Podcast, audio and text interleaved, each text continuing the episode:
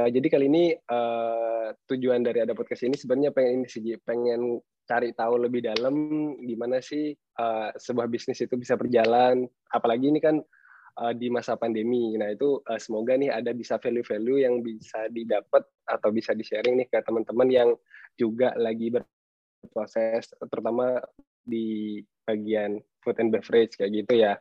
Nah, uh, gimana Ji kabar sekarang? Eh. di ini uh, di okay. di Surabaya. Okay, jadi sebelumnya thank you juga Ji sudah diundang di podcast uh, Echiva ini ya juga moga-moga di sini bisa kita sama-sama sharing saling pengalaman juga. Uh, untuk kabar alhamdulillah baik sudah uh, Ramadan ke-19 juga ini. Alhamdulillah baik. Uh, Oji gimana? Nah, iya uh, thank you. Ya so far sih masih aman. Uh, ini Ji, apa uh, masih di Surabaya? Iya, masih masih di Surabaya ini alhamdulillah. ini Ji, apa sekarang sibuk apa aja Ji kalau boleh tahu? Oke, jadi ya alhamdulillah Ji sekarang sih sibukannya yang ngurus-ngurusin untuk PMPIZ ini sih sekarang. Hmm, jadi hmm. Uh, jadi kebetulan udah uh, semenjak September ini uh, mulai ngerintis uh, PMPIZ ini. Oke, oke, okay, thank you. Nah, uh, jadi uh, menarik nih. Jadi teman-teman kita kali ini nih tadi uh, sempat di notice juga sama si Mas Koji, namanya Gozi Asmi Rahman ini. Dia adalah CEO PPIZ. Nah, uh, sebenarnya uh, ini sih boleh diceritain nggak dulu tuh uh, awal-awal ngerintis atau awal-awal PMPIZ lahir tuh gimana sih ceritanya? Iya, Oke, jadi uh, mungkin uh, kita flashback dulu ya, mungkin ke hampir satu tahun ke belakang dulu.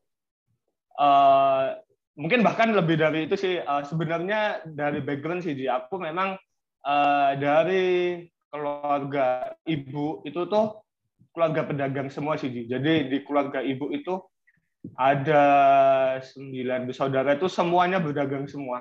Semuanya semuanya tuh punya jualan semua. Jadi ya mungkin itu pertama itu ada darah dari situ terus uh, aku sih dari kecil tuh udah mungkin udah biasa jualan juga sih dari kecil tuh uh, ada jualan ada jualan pas SD tuh masih ingat tuh pertama kali jualan tuh jualan pensil atasannya tuh ada mainannya itu Ji. itu pertama uh. kali aku ngerasain dapat uang sendiri jajan mungkin pas kita SD tuh dapat uang sepuluh ribu itu terasa dapat duit satu juta gitu. Jadi sepuluh ribu tuh aku. zaman dulu banyak ji. Banyak banget makanya kan dulu tuh aku sampai ngejual itu habis sampai lima puluh ribuan gitu ngejual oh, pensil iya? ada mainannya. Iya, uh, jadi dan itu oh. teman-teman ya aslinya nggak banyak sih, cuman aku bawanya lima gitu langsung habis, lima langsung habis itu kan dulu pensil ada ada atasnya itu ada bonekanya gitu. Nah itu, nah itu mulai itu tuh mulai ada rasa-rasa wah ini kok menarik nih dapat duit kayak gini nih. Nah, itu pas SD langsung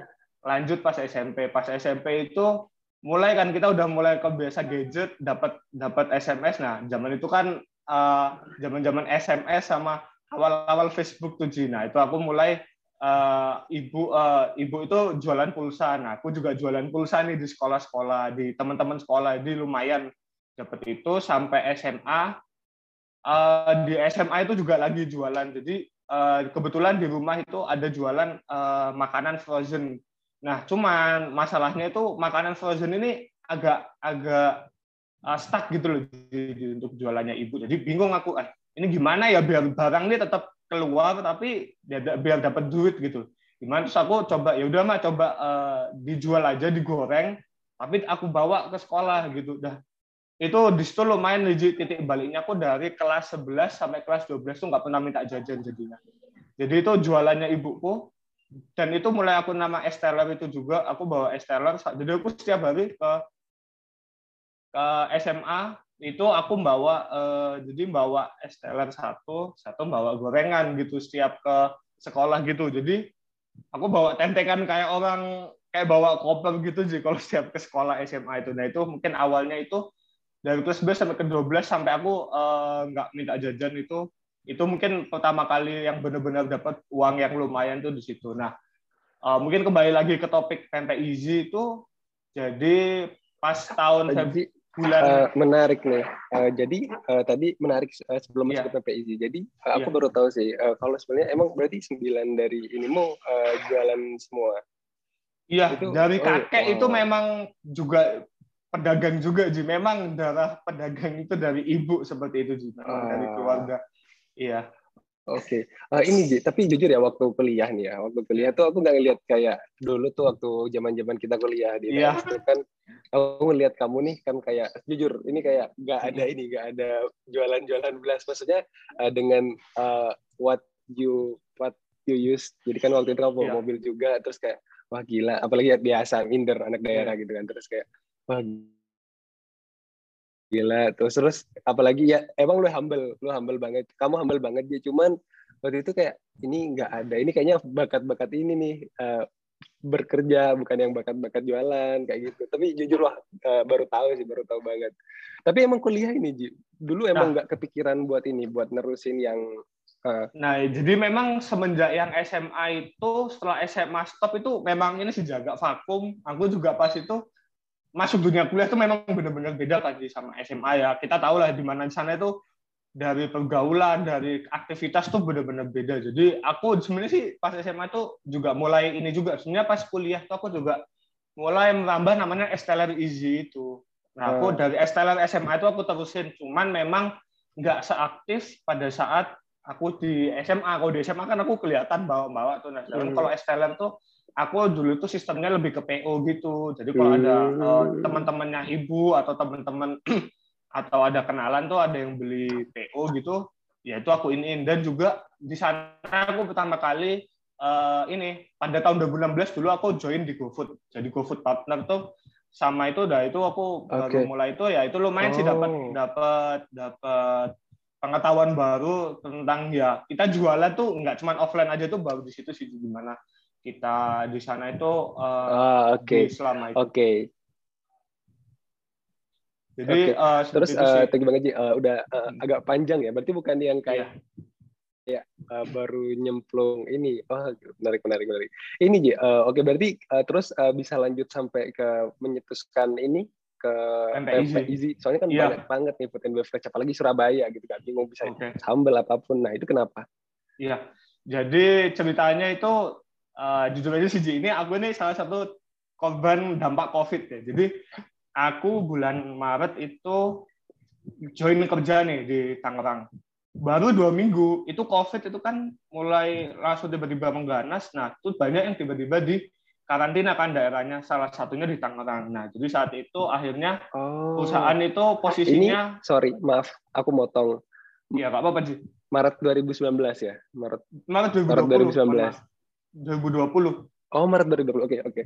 Pas okay. tahun yang lalu. iya, benar. Itu, sebelum ada Covid. Iya, uh, iya. Nah, itu kan udah mulai Covid mulai ini. Nah, akhirnya pada saat itu perusahaan uh, mengatakan bahwa ini posisinya harus di cut. Nah, pada saat itu karena aku kan posisinya manajemen training, dan manajemen trainingnya itu masih probation. Jadi di dalam hmm. kontrak masih belum permanen gitu. Jadi otomatis akhirnya perusahaan memutuskan untuk melay off. Tapi pada saat itu perusahaan ngomongnya kalau kondisi sudah membaik akan dipanggil lagi. Itu posisi April 2020, pas tahun yang lalu sih, pas tahun yang lalu. Yeah. Nah, nah itu, nah semenjak itu kan ya udah aku pas pulang, ya udah mulai cari kerja lagi tuh sampai bulan Agustus tuh sampai tiba-tiba itu ada kakak, kakak itu ngirimin pempek sih. Ya itu hmm. habis habis itu ngirimin pempek dari Palembang gitu. Nah kebetulan di rumah ini memang penyuka pempek gitu loh, penyuka pempek terus dimakan oh ini kok pempeknya enak ya? Pempeknya enak dan um, menurutku di Surabaya itu di, di Surabaya itu belum ada pempek yang enak bang enak gitu loh Ji. Karena oke. okay. atau ya kalaupun enak tuh pasti mahal gitu loh Ji. Nah terus ini aku kok tanya mas tanya ke kakak kan mas ini beli di mana? Oh ini langsung dari Palembang dikirimin gitu. Terus ya udah aku akhirnya diskusikan sama iya sama keluarga juga sama sama ibu sama kakak gimana kalau jualan ini aja gini? Kayaknya daripada sambil ngisi waktu aku cari kerja ya daripada ada uang tabungan nganggur ya sudah dibuat dibuat Diputar jualan gitu. aja ya? modal jualan aja nah itu nah uh, di situ mulai uh, kita pempek kan banyak sih nah kita harus cari apa tuh competitive advantage kita kita kan jualan tuh nah ini kan aku cerita mungkin ini lagi ya uh, kita mungkin ini kalau aku masih inget dulu kan pernah ngomong tuh ada Blue Sea sama Red Sea. Ini mungkin kita mainnya di Red Sea yang di mana pemainnya banyak. Tapi uh, di sini aku sebagai yang benar-benar dari nol ya aku anggap. Uh, menurutku pada saat itu kondisinya lebih bijak kita main di Red Sea. Kenapa? Satu, aku jualan pempek itu kenapa satu? siapa sih orang yang nggak tahu pempek gitu loh di Indonesia gitu orang jadi untuk introducing untuk pengenalan produknya itu satu lebih enak sudah tahu gitu pempek nah terus kita udah tahu nih pempek. Nah terus apa yang pertanyaan kedua kan apa yang membedakan pempek ini sama pempek lain yang di Surabaya gitu? Nah ya udah aku ambil aja. Kita harus apa nih competitive advantage-nya? Ya udah competitive advantage-nya kita ambil.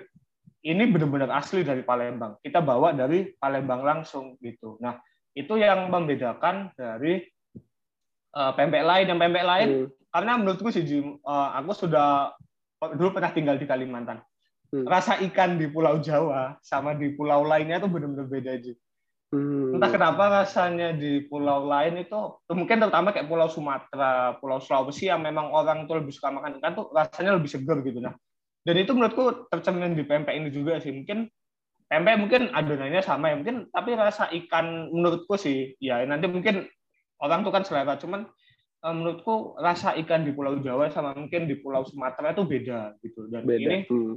dan dan dan itu dari raciannya kan juga beda dari rasa cukonya itu juga beda okay. gitu bahan-bahannya itu kan okay. uh, yang sarannya juga beda Oke, okay, thank you. Jadi, uh, ini, jadi tadi Joji udah jawab banyak, udah jawab okay. positioning segala macam, tapi gak apa-apa, gak apa-apa. Thank okay. you banget, gak apa-apa, gak apa-apa. Jadi uh, dulu tuh awal-awal, jadi kalau tadi Oji sharing bahwa iya akhirnya karena sampai Agustus akhirnya berunding sama keluarga, terus yeah. akhirnya ada uang tabungan masih uh, yeah. ada stay ini, akhirnya Oji memutuskan buat diputar. Uh, boleh di sharing jadi kayak kesulitan apa sih buat ngerintis bisnis awal-awal? Uh, pernah nggak? Yeah sih kayak kalau menurutku pribadi aja dulu aku sekarang uh, per tahun 2021 juga kebetulan sempat uh, mulai masuk jualan juga tapi yang yeah. aku ya. lakuin aku hide I hide my profile jadi bener-bener aku jualan oh. gak di Instagram pribadi nggak kayak Oji hmm, yang udah iya, berani yeah, kayak ya udah ini jualanku gitu loh yeah. nah itu gimana ada gak kesulitan kesulitan entah dari segi mental atau dari segi apa gitu waktu awal-awal ngerintis PMP izin okay. uh, mungkin yang pertama mungkin mental sih Ji jujur juga mental. Uh, Hmm. Iya, juga mungkin gimana uh, jujur kita tuh kan uh, terutama teman-teman kita di mana teman-teman kita tuh bahkan angkatan kita aja bahkan yang jualan itu hampir nggak ada gitu. Jadi aku setuju, juga sharing itu juga bingung gitu. Setuju, nah, setuju, itu aku juga uh, jadi aku berpandangan ya cari uang untuk sekarang tuh lebih baik kerja gitu karena aku belum ada pandangan lain seperti itu pada saat itu. Nah, ya aku jujur di sana agak mental gimana ya ini juga pas itu juga modal mepet. Ya itu loh Ji. kita tuh kalau memang berjualan tuh kebanyakan mikir kurang actionnya tuh kayak gitu. Ah, aduh okay. apa ya itu? Jadi aku tuh memang dua minggu tuh kebanyakan mikir aduh ini jualan ini gimana? Pempek ini banyak. Jadi akhirnya cuman ya tuh karena mungkin kan ibu ini kan udah pengalaman banyak. Ya sudah jualan tuh coba dulu sambil jalan. Ya planning tuh harus. Cuman kalau kebanyakan planning tanpa action juga uh, bakalan nggak jadi-jadi juga gitu loh jualannya seperti itu. Jadi kita coba mulai. Hmm, Oke. Okay. Nah, memang kita aku di sini nganggapnya benar-benar dari nol ya. Nah, itu susahnya memang kita ngenalinnya dan ngenalin bagaimana ya itu tadi mungkin balik lagi ke posisinya gimana kita kenalin ini bedanya pempek ini sama beda pempek yang lain gitu nah nah kebetulan uh, untuk pempekku ini harganya memang di atas di satu paknya isi 10 itu minim rata-rata 50 ribu yang di mana itu memang hmm di atas rata-rata di orang Surabaya gitu yang mungkin rata-rata 40 35 ribuan gitu. Cuman hmm. uh, aku sini kan ngejarnya di situnya itu. Nah, itu mungkin mengenalkan dan menurutku uh, orang Surabaya ini sangat sensitif dengan harga gitu. Mungkin berbeda dengan daerah Jabodetabek gitu. Dan ya itu dan itu salah satu tantangan juga sih uh, kita gimana mengenalkan harga ini itu nah ya sudah akhirnya untuk promosi awal jujur untuk yang bisa nutut harga segitu kan Berarti rata-rata orang yang mapan gitu. Nah, dulu aku belum Benar. bisa nge-profiling itu di uh, iya. Uh, untuk customer kita tuh siapa sih gitu. Jadi aku asal blast gitu. Aku aku ngepost nah dari temannya ibu ngepost, temannya kakak ngepost juga ngebantu gitu. Nah, ternyata diawali dari tetangga dulu, tetangga, hmm. temannya teman-temannya ibu gitu jualan eh teman-temannya ibu. Nah, ternyata di situ udah mulai tuh udah mulai kebentuk pattern tuh di awal-awal. Oh, ternyata yang beli ini rata-rata ibu-ibu dan memang orang yang sudah mapan untuk harga segitu seperti itu gitu Ji. Ini ya. memang di awalnya memang benar-benar ngelangkah untuk dapat customernya itu yang susah sih Ji. Ah. Dan di awal pernah pertama kali kita ngepromosiin ada yang beli, ada yang komplain. Nah itu menurutku salah satu uh, yang tantangan tuh kita tuh komplain itu Ji. Kadang itu kan kita okay. komplain itu membuat kita tuh gimana untuk uh, ya memang maunya kita tuh kan produk itu kan bagus, cuman ya itu kita Bener. gimana menghandle komplain itu uh, sangat sangat uh, sangat sangat penting gitu gimana kita positioningnya ke pelanggan seperti itu. Nah itu di situ mulai okay. banyak ada yang banyak komplain, terus uh, pernah seminggu tuh nggak ada orderan tuh pernah, jadi pernah ngerasain seminggu nggak pernah ada orderan tuh pernah. Ya mungkin itu sih. Terus di awal-awal marketingnya itu sampai mungkin detik baliknya aku menemukan Instagram Ads itu. Oh, oh oke. Okay. Ini menarik. Jadi nanti aku mau tanya terkait ini.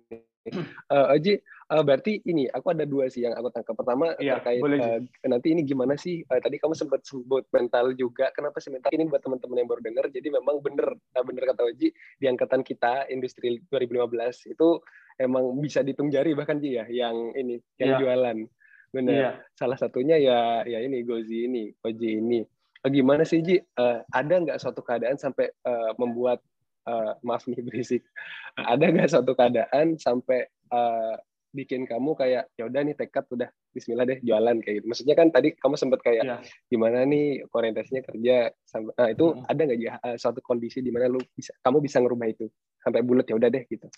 Aku jualan gitu yeah.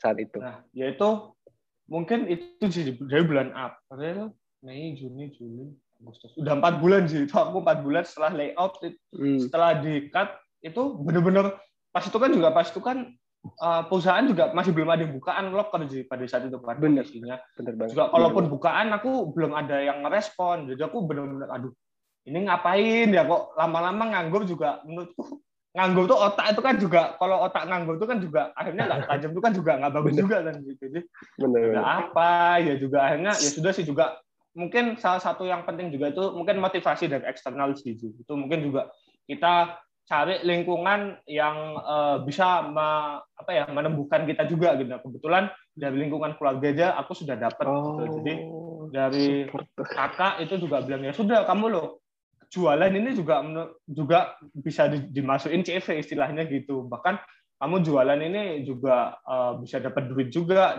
ngisi waktu juga gitu kan. Terus ibu juga dengan pengalaman usahanya ya sudahlah dijalani aja gitu. Toh ya, kalau rezeki itu nggak ada yang itu. Nah itu menurutku ada beberapa itu yang salah satu motiv mungkin beberapa orang kalau aku sih memang orangnya memang butuh ada motivasi dari eksternal juga gitu kan.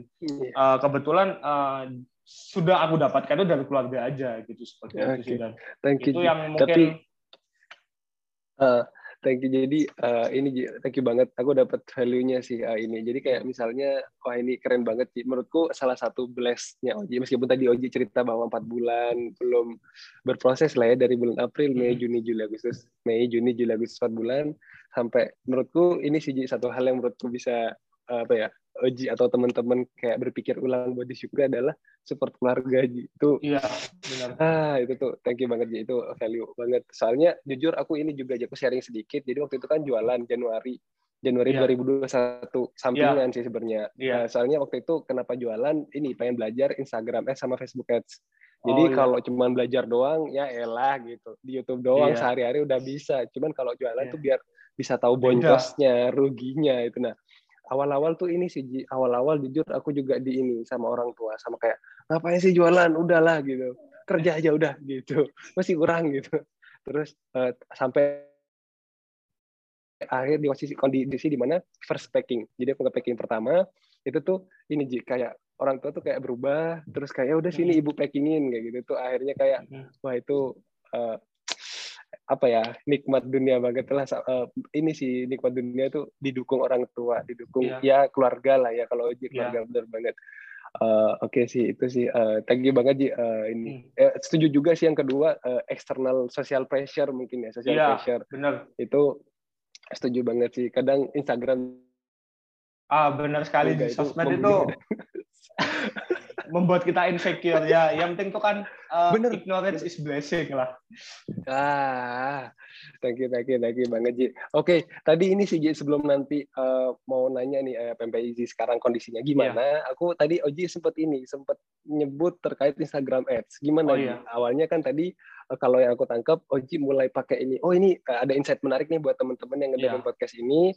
Uh, di awal-awal itu nggak perlu perlu pakai yang berbayar, bisa pakai yang free entah Instagram yeah. atau pakai WhatsApp uh, keluarga teman-teman yeah. atau WhatsApp itu tuh thank you banget ini menurutku uh, ini mungkin gratis tapi oh aku pernah baca ini juga sih salah satu teknik marketing Ji. Yeah. Uh, ini ini diterapin di Tupperware. Jadi Tupperware yeah. itu Tupperware global itu tuh gimana sih biar uh, dia itu kalau nggak salah nerapin namanya affiliate marketing. Jadi dia itu ngejualinnya ini Ji, misalnya Oji ini. Uh, Oji jadi BA ya brand ambassador misalnya tapi ya, brand ambassador yang sekecil mungkin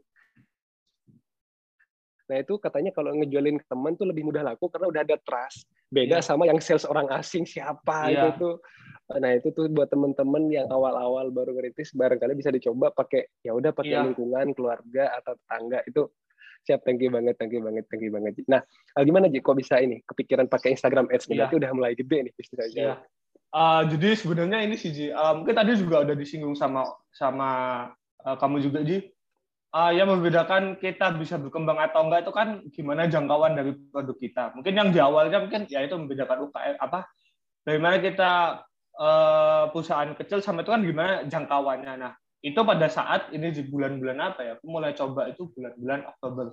Itu udah sebulanan jalan Nah itu barang udah mulai stuck di dalam artian uh, semua orang yang udah dikenal itu udah beli. Ya cuman kan orang kan masa hmm. misalkan satu kali beli beli lagi beli lagi itu kan uh, mungkin kalaupun makanan iya, cuman kan nggak akan selalu setiap saat seperti itu Juna. Itu kita stuck nih. Ini gimana kita uh, produk kita ini bisa uh, berkembang ke orang lain, ke orang di luar circle dari kita gitu. Nah itu kan uh, uh, bagaimana gitu. Nah pada saat itu aku kan ngobrol-ngobrol uh, sama kakak sama itu gimana? Udah aku coba misalkan dulu dulu pokoknya awal-awal beli itu sampean kalau beli tolong di di share ke teman-teman di share ke Instagram gitu loh di tolong di tag PMPIZ thumbnya gitu. Tapi tetap stuck juga gimana ya? Akhirnya sharing coba gimana kalau endorse saja ke akun-akun kuliner kayak gitu ya. Sudah kan akhirnya uh, mau coba endorse ke, ke artis kuliner ketemu juga teman yang udah berkecimpung juga di dunia kuliner jualan kok nggak salah itu jualan cookies juga gitu. Aku tanya eh hmm. uh, mau tanya gitu kamu dulu uh, jualan cookies tuh pernah share nggak ke endorse endorse endorse artis gitu? Oh pernah sih tapi pernah cuma sampai minta red cardnya doang. Tapi untuk dealnya enggak loh kenapa tuh kalau boleh tahu gitu? Karena uh, harganya mahal gitu dan harganya mahal dan aku pernah nyoba uh, untuk convertnya menjadi pelanggan itu kurang. Nah, di situ aku mulai itu loh. Terus terus kok kamu sekarang banyak pelanggan baru gimana? Aku pakai Instagram Ads gitu. Oh, nah itu coba aku akhirnya akhirnya mencoba mencoba jalan di situ sih. Jadi memang eh, akhirnya ya memang kita dengan power of kepepet, kepepet barang masih banyak, kita hanya kita mencoba apa aja ya biar produknya tetap jalan. Nah, coba aku Bener, yang uh, penting jalan ya dia. Iya, turnovernya tetap jalan kan. Nah, uh, pertama itu aku mau cari info juga sih gimana kalau apa uh, di kita endorse tuh gimana sih nah ternyata hmm. endorse tuh juga hit and miss sih Nah setelah aku hmm. tadi kan mungkin baik lagi kita kan aku udah lihat nih oh yang beli ini rata-rata orang tua atau ibu-ibu yang berkeluarga yang sudah mapan nah aku lihat kayaknya profil itu nggak cocok dengan uh, aku endorse ke akun kuliner yang ada di Surabaya yang aku lihat secara oh. dari makanan dari dari yang dia jual itu yang makanan-makanan anak muda yang kayak misalkan anggap aja aku contoh dia jualan minum-minuman boba atau makan-makanan jajan-jajan gitu yang mungkin agak mungkin cocok sih cuman uh, takutnya nggak worth it gitu loh Ji dengan segitu gitu Ji. Nah, aku akhirnya uh, coba akhirnya ya udah aku akhirnya uh, cari aja di YouTube gimana sih cara pasangnya Instagram Ads di sana. Nah, ternyata Instagram Ads tuh bener-bener gampang banget ternyata gampang banget dan nggak uh, perlu butuh apa-apa yang penting butuh duit aja gitu akhirnya aku cek ternyata enaknya di Instagram Ads kita bisa cocokin profil kita ke dengan orang apa dengan wilayah mana uh, range umur berapa dan interestnya mana gitu nah ini cukup dengan ini sih menurutku enak banget sih jadi target kita bisa spesifik juga gitu sih nah jadi akhirnya uh, aku pas itu awal-awal masih belum tahu aja, ini nyoba aja semua. Akhirnya aku nyoba yang pertama itu interestnya di foodie, di food yang suka sama makanan. Lalu uh, oh, pas itu di, di awal foodie. tuh, oke oke oke. Iya, uh, apa untuk umurnya itu karena aku lihat ini coba deh umur umur umur yang di atas orang bisa beli itu umur di atas 20 pada situ di atas 20 laki perempuan gitu ya sudah aku asal aja itu buat hmm. seminggu itu aku lupa sih habisnya pada saat itu memang aku nggak waduh tiba-tiba agak banyak ya 200 atau berapa gitu kan nah itu aku tapi jangkauannya di Surabaya oh. dulu aja di jangkauannya di Surabaya jangka waktu tujuh hari tapi uh, per harinya aku dikitin memang cuma berapa ribu reach gitu loh. Nah seperti itu aku aku lupa habisnya 200 atau 250 gitu. Pada saat itu cuman ya sudahlah dihitung-hitung daripada di endorse ke orang yang belum tentu pas juga ya udahlah aku coba itu dan ternyata gampang. Kita aku kira awalnya butuh credit card ternyata enggak ternyata butuh bank transfer aja yeah. bisa cuman ya di, ininya aja casnya aja antar bank ini dicoba yeah. Ternyata ada di situ kan ada proses verifikasi juga dan di sana oh ya uh, satu lagi buat teman-teman yang mungkin yang mau uh, pakai Instagram Ads, profilnya untuk di Instagram Ads-nya postnya kalau bisa itu uh, dari fotonya yang bagus, yang informatif dan juga uh, mungkin captionnya itu yang selengkap mungkin dan yang terpenting tuh uh, kontaknya sih karena itu yang pasti pertama kali dicari gitu. Nah akhirnya okay. dicoba di sana, eh ternyata langsung beberapa hari itu langsung alhamdulillah banyak yang tanya sih gitu langsung banyak yang WA itu ya beberapa lumayan lah di sana lah mulai kebuka uh, dari customer nyonyo customer customer baru itu di sana mulai okay. mulai datang gitu jadi di sana mm. mulai banyak yang tanya ya walaupun dengan harga segitu akhirnya orang ada yang nggak tanya cuman sebenarnya di sana ada yang sampai sekarang jadi uh, langganan tuh juga ada oh. gitu, seperti itu. Nah di situ memang mungkin oh, Instagram wow, itu kan kita wow, wow, wow. mencari uh, kerendeman orang ngelihat oh bener kan kita mencari di situnya ya bener. ya di situnya kita mulai menurutku okay. lumayan terbantu dengan okay. Instagram Ads itu sih. Oke, okay. thank you Ji, thank you. Sebenarnya ada dua hal nih yang menarik menurutku. Yeah. Thank you banget Ji udah share tadi wah gila. Sebenarnya oh jadi udah expert banget kayak udah oh, masuk ke enggak lah sama-sama nah, ini sih uh, bener. Uh, jadi uh, ini sih buat teman-teman tadi uh, itu bener banget yang disaran Oji uh, itulah uh, apa ya real impact dari Instagram Ads atau Facebook Ads. Uh, ini bahkan nanti uh, Oji kalau misalnya mau yeah. discuss ini boleh banget di luar ini. Bahkan tuh Facebook iya. Ads. Yeah. Sebenarnya Facebook Ads sama Instagram Ads kan udah kayak ya iya. Facebook yeah. itu uh, di dalam iya punya uh, Instagram juga. Nah itu tuh Oji nanti uh, bisa loh uh, data yang udah jadi pelanggan yang udah jadi pelanggan misalnya nih dari 100 customer Ji ini gua udah aku udah ada 10 orang nih Ji yang tiap bulan pasti beli misalnya misalnya hmm. itu bisa ini Ji kita arahin buat uh, cariin dong Facebook yang mirip kayak gini kayak gitu nah nanti misalnya oh. Oji tertarik buat ke sana itu boleh banget uh, ntar bisa diskusi luar ini gratis okay. gratis gratis okay, kayak siap, itu siap. Uh, uh, itu uh, uh, itu menarik uh, banget jadi bahkan tapi minimal harus punya email atau nomor HP yeah. tapi kalau punya ya sampai alamat sampai umur gender itu tuh wah itu makin lebih bagus nanti Spesifik. waktu Facebook nyari yang mirip namanya mungkin teman-teman yeah. yang udah berkecimpung di Instagram atau di jalan marketing look like audience itu bisa nyari juga thank you banget Ji uh, yeah. iya sih itu penting oh ini Ji aku punya uh, ini sih mungkin uh, referensi atau minta feedback Ji juga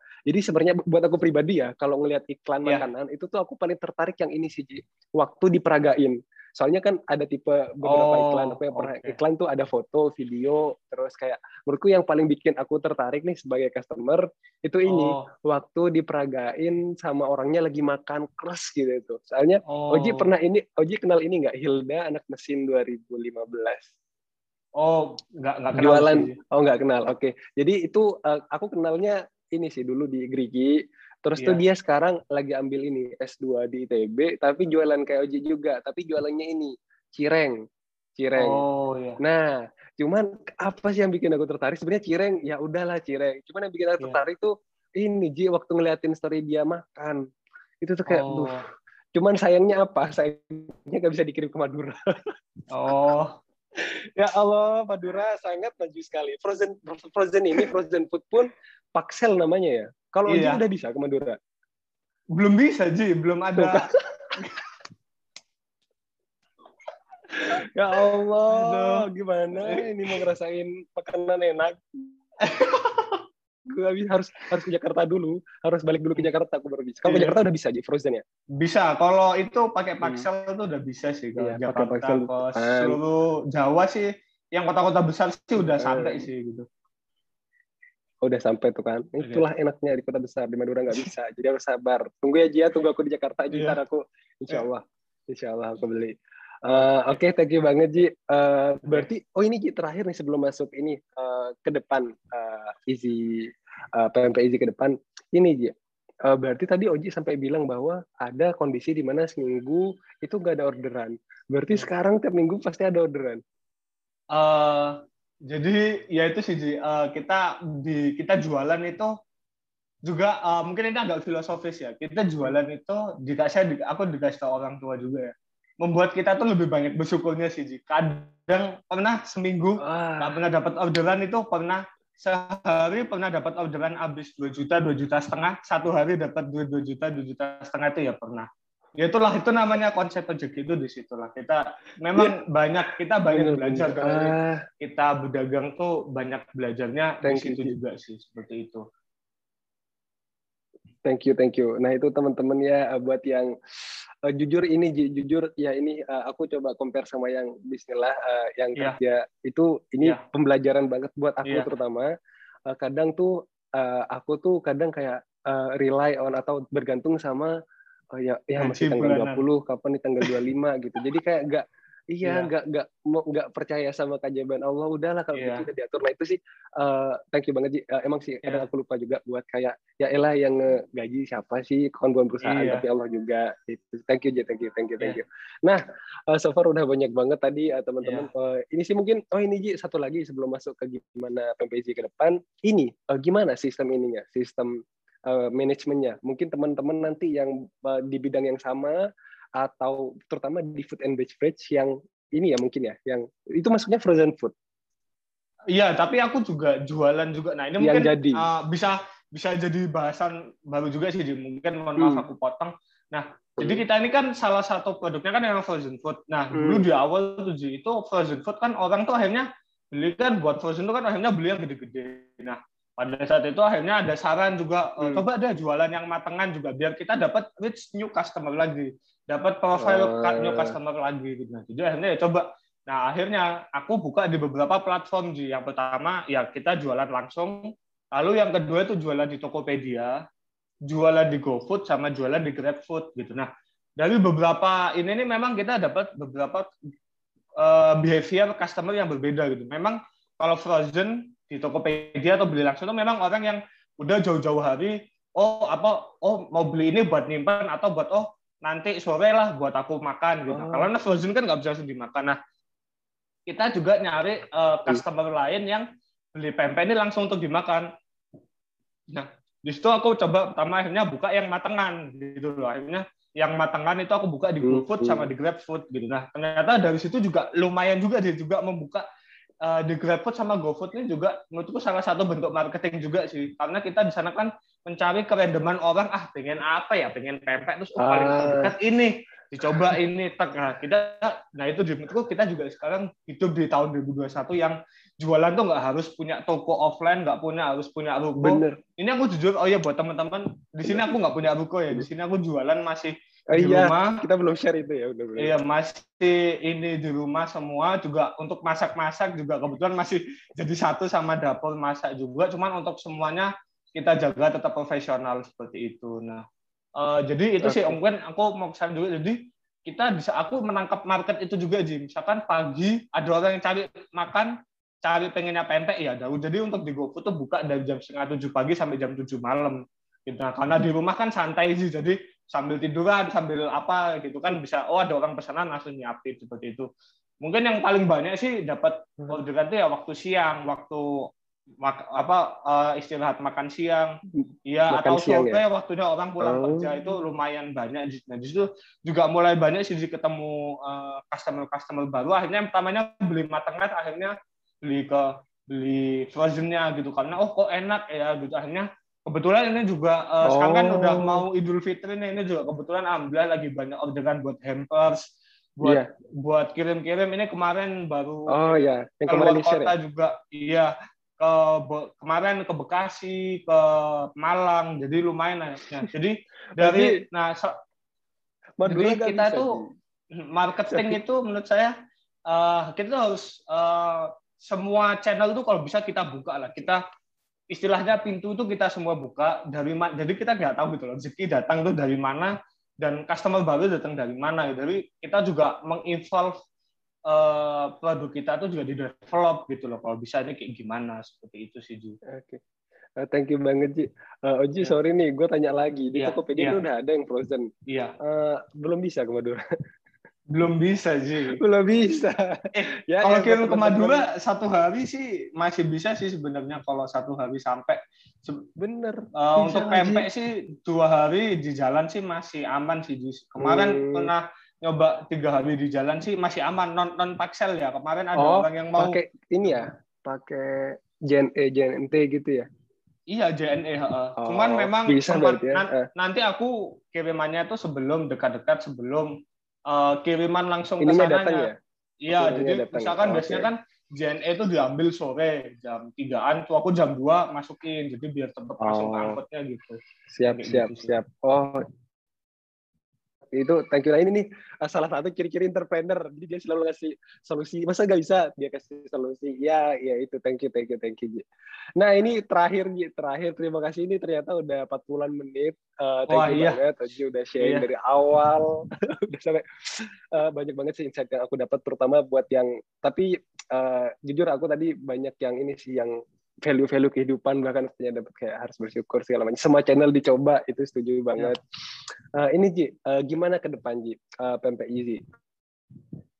Uh, Oji, ya terus uh, ya kayak gitu. Uh, jadi gini sih Ji, uh, kebetulan aku ini jadinya reseller ya Ji. Nah, uh, untuk reseller ini memang ada plus minus di sana kita reseller. Mungkin aku sebutin plusnya dulu. Plusnya mungkin satu kita nggak perlu tenaga untuk bikinnya, nggak perlu ribet-ribet cari supplier eh, ikan, supplier tepung atau apa.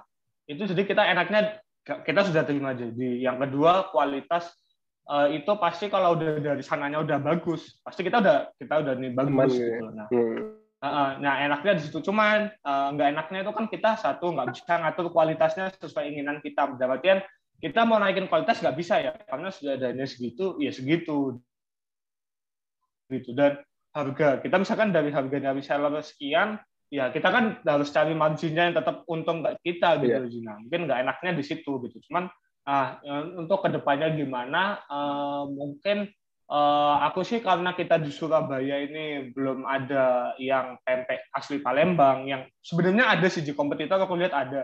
Cuman uh, di sana aku melihat memang dia lebih gede daripada aku. Cuman di sana melihat uh, aku melihat uh, dari rasa dari apa mungkin nggak kalah gitu. Jadi mungkin bisa lebih itu dan menurut saya uh, rasa pempek yang di Surabaya ini juga uh, sekarang tuh butuh ada tandingan nah, menurutku bakal uh, aku sih mungkin nanti ke depannya mungkin harus uh, bisa lah jadi yang reseller yang salah satu terbesar lah di Surabaya seperti itu hmm. gitu loh. Hmm. Jadi kayak gitu.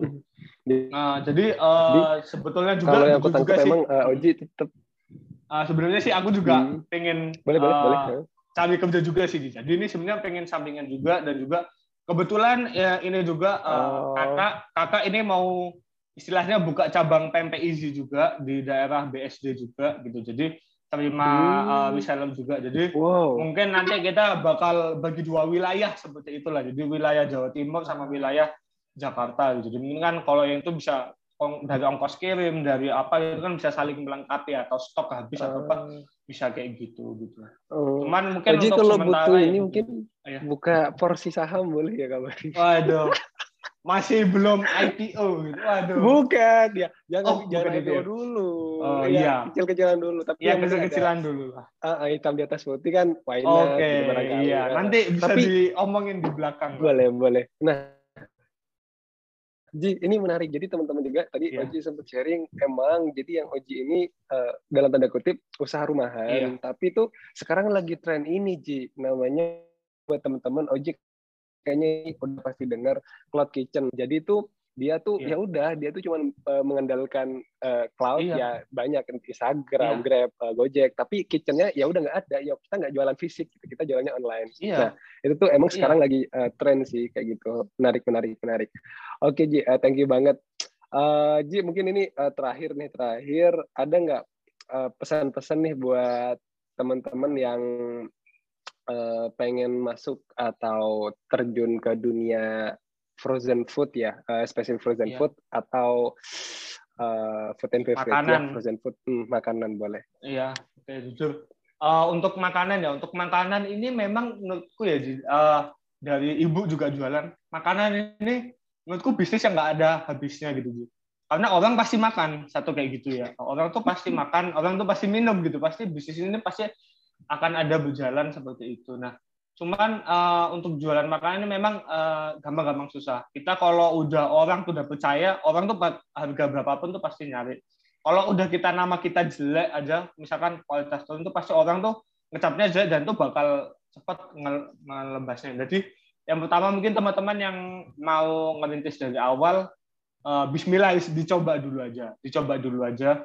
Uh, aku pernah dapat dari webinar tuh gini, kita itu coba jualan tuh kalau nggak salah thresholdnya itu enam bulan lah, enam bulanan lah. Kita kalau lihat enam bulan ini kita ngelihat stuck atau turun atau malah merugi atau masih ada naik, nah itu kita dilihat situ kita enam bulan coba jualan. Jangan kita seminggu jualan nggak laku langsung langsung lemes nyapa ah nggak usah itu kita jangan gitu. Kita kita harus aku, aku. Uh, ikhtiar kita itu harus mencoba kita tuh harus mencoba dulu sih kita tuh nggak tahu sampai gimana uh, mungkin buat uh, uh, ya pas sebagai gambaran aja ya. Kalau yang tahu KFC itu namanya yang punya itu Colonel Sanders. Dia tuh baru mencoba jualan ayamnya itu di umur 60 tahun pada saat dia udah pensiun oh. dari kedinasan. Nah, jadi kan uh, kita tuh nggak ada umur tuh maksudnya rezeki kita uh, jualan ini kita nggak nggak ada yang tahu mulai dari apa gitu. Jadi kita yang penting mencoba aja gitu dan umur berapapun kita modal apa pun oh ya jatuh modal uang itu jangan jadi hambatan gitu. Kita uh, modal itu nggak hanya uang. Sekarang apalagi sekarang itu kan bisa dropshipper, bisa istilahnya makelaran punyanya teman kita jualan lagi kan ngambil untung 2000 toh juga jualan juga seperti itu. Jadi yang pertama sih ya itu jangan menyerah, uh, tetap dicoba. Yang kedua untuk makanan sih spesifik harus uh, jaga kualitas. Kualitas itu yang utama dan harus tahu positioningnya kamu di mana uh, seperti itu dan yang ketiga sih uh, kita harus open open atas ide customer atau apa masukan itu harus tetap kita buka itu sih yang okay. mungkin yang paling penting sih itu sih Thank you. Thank you banget Ji. Uh, thank you banget. sama-sama. Uh, jadi, uh, jadi uh, terima kasih nih Ojo waktunya. Semoga teman-teman yang ngedengerin tadi percakapan kita bisa mendapat banyak uh, value. Yang terakhir sih gue aku setuju sih Ji. Contohnya kayak enam bulanan. Oh berarti ini gue baru hmm. tahu banget Ji. Gue baru tahu banget bahkan tuh dulu aku pernah belajar tapi versi Instagram sama Facebook uh, marketing oh, iya. namanya iya. untuk product testing tapi ini kayaknya makanan beda deh uh, product testing hmm. ini misalnya aku jualan ini uh, uh, ini uh, sekarang karena lagi musimnya WFH toolbox yang full satu paket gitu Nah, oh. itu tuh uh, teman-teman tuh katanya untuk ngecek produk ini diterima di pasaran atau enggak, itu tuh bisa ngelakuin ngelakuin A/B testing selama seminggu dulu, seminggu. Hmm. Kalau misalnya belum ini coba di extend sampai dua minggu nih dipasarin atau diiklanin. Kalau misalnya nggak bisa, ya udah berarti emang nggak bisa kayak validasi hmm. market ya gitu. Oh, Tapi iya. kalau uji uh, enam bulan itu jujur itu uh, satu hal yang baru dan iya sih emang kadang kan uh, musiman gimana Jim? Bukan mungkin uh, ini uh, selama Lebaran mungkin demandnya ini grafiknya makin naik. Iya. Uh, puasa Lebaran gini. Uh, uh, sebulan kemarin tuh lumayan turun sih di bulan Maret itu. Hmm. Uh, mungkin aku nggak tahu ya mungkin di bisnis lain mungkin kalau juga di, di bisnis mobil gimana kalau di bisnis maka kalau aku sendiri sih lumayan agak turun dibanding biasanya sih dibanding bulan ah. uh, cuman uh, bulan ini benar-benar naik ya biasa lah buat mungkin barokahnya Ramadan juga ini uh, lumayan naik banget terutama akhir-akhir ini untuk ngirim uh, hampers tuh lumayan kebantu juga sih Ji. Oh. Juga mungkin ini oh, juga okay. bahkan mendekati 10 hari terakhir ini mungkin aku makan ini uh, ini baru datang dari Palembang juga itu untuk uh, nyeper stok sampai habis lebaran karena ini kan uh, logistik dari Palembang ini uh, libur sampai H plus oh, 2 iya. jadi kan Jadi kan nggak ada kiriman bener. sampai Jogja, aku mungkin nyetok banyak bener. itu untuk persediaan sampai anggap aja sampai sampai Lebaran seperti itu. Itu aja sih. Okay. Thank you. Oji, thank you banget waktunya. Eh, iya, sama-sama Ji, sama-sama juga ini waktunya. Kita ini ya, discuss yang uh, buat pengiriman ke Madura. Oke, siap-siap. Iya, kalau misalkan okay. mau teman-teman mau tanya atau mau sharing, uh, bisa langsung uh, chat di apa di Instagram @goziazmi atau uh, bisa langsung chat apa di LinkedIn Gozi Azmi Rahman juga atau di Instagram at Gozi Asmi atau di PMPIZ pun mau tanya-tanya uh, kalau jualan mau beli pun juga boleh seperti itu. Oke, okay. thank you Ji, thank you banget. Oke, okay, sama-sama Ji, semoga bermanfaat semoga... buat teman-teman semua ya, juga. Iya, siap, siap. Thank you Ji, thank you gue tutup ya podcastnya ya. Oke, okay. okay, siap. Assalamualaikum warahmatullahi wabarakatuh. Terima kasih Ji. Waalaikumsalam warahmatullahi wabarakatuh.